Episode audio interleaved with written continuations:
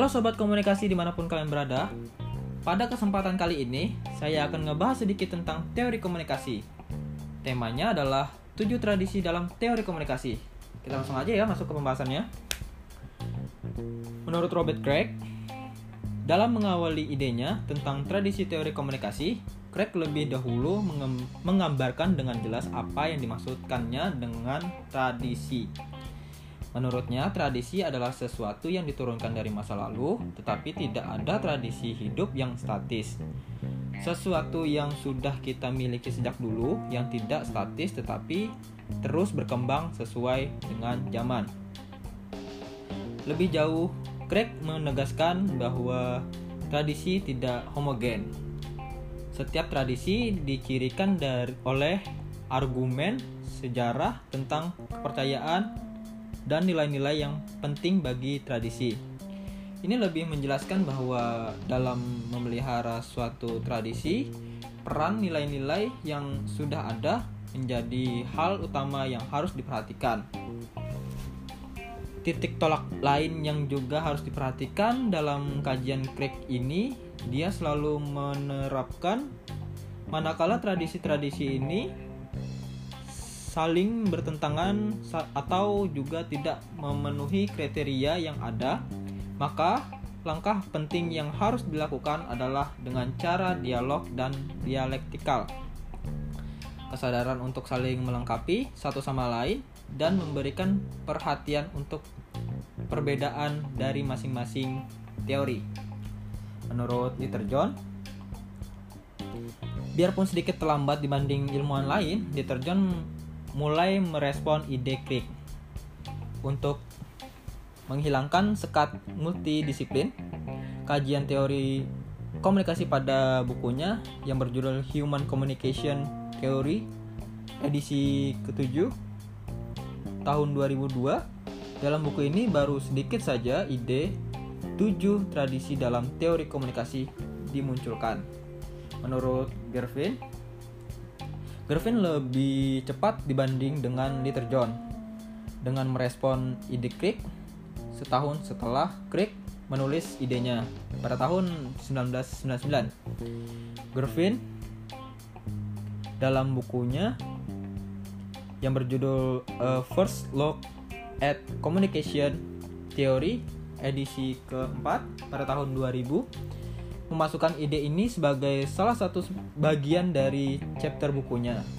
Dalam hal ini, Gervin sangat menyanjung Craig dengan mengatakan Craig menawarkan solusi yang lebih canggih. Mengapa Gervin mendukung ide Craig? Karena menurut pendekatan Craig ini, meng menggunakan apa yang sudah dilakukan dalam problem dan praktek komunikasi sehari-hari jadi menurut Griffin, apa yang ada dalam tujuh tradisi da, dalam teori komunikasi ini merupakan tujuh tradisi yang sudah dilakukan sebelumnya. Yang penting adalah bahwa tradisi dalam teori komunikasi ini menawarkan perbedaan, yaitu perbedaan dalam cara-cara konseptualkan problem dan praktek komunikasi. Dalam menerima ide tujuh perspektif tradisi dalam teori komunikasi, Gervin tetap memegang komitmen awal dari apa yang telah diajarkan bahwa dalam melihat teori harus membedakannya dengan pendekatan objektif ataukah interpretif. Nah, kita masuk ke bagian teori-teorinya ya. Yang pertama itu ada teori retorika. Teori-teori dalam tradisi ini memahami komunikasi sebagai seni praktis. Komunikator, speakers, media, producer, waiters memahami persoalan sebagai hal yang perlu diatasi melalui pesan-pesan yang dirancang secara cermat. Komunikator mengembangkan strategi sering memakai pendekatan-pendekatan umum agar daya tarik logis dan emosional untuk menga mengajar mengarah ke halayak. Yang kedua itu ada semiotika yaitu memfokuskan pada tanda-tanda dan simbol-simbol memperlakukan komunikasi sebagai jembatan antara dunia private dan dari individu-individu dengan tanda-tanda untuk mendapatkan makna. Kekuatan semiotika bertumpu pada gagasan-gagasan tentang kebutuhan akan bahasa yang sama. Identifikasi tentang subjektivitas menjadi kendala untuk mencapai pemahaman dan ketertarikan dengan makna yang beragam. Teori-teori semiotika sering berkaitan dengan teori-teori yang menem menekankan bahwa kata-kata memiliki makna yang tepat. Tanda-tanda memper memper objek atau bahasa yang bersifat netral. Yang ketiga itu ada fenomenologi. Tradisi fenomenologi memberi perhatian pada pengalaman pribadi. Komunikasi dilihat sebagai pertukaran pengalaman pribadi melalui dialog. Dalam tradisi ini, wacana yang muncul mencakup istilah-istilah seperti experience, self,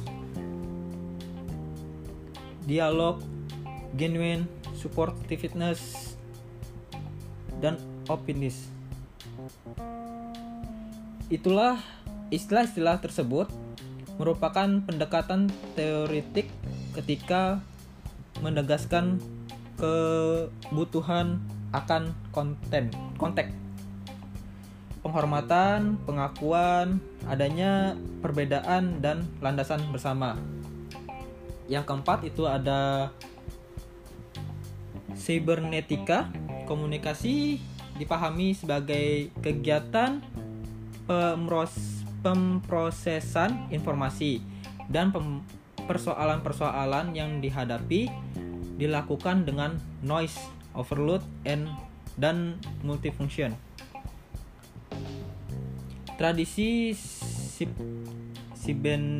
sibernetika menjadi gagasan yang bisa menerima diterima secara logis ketika muncul isu-isu yang berkaitan dengan pikiran, rasional, dan sistem kompleks. Yang keempat itu ada sosiopsikologikal.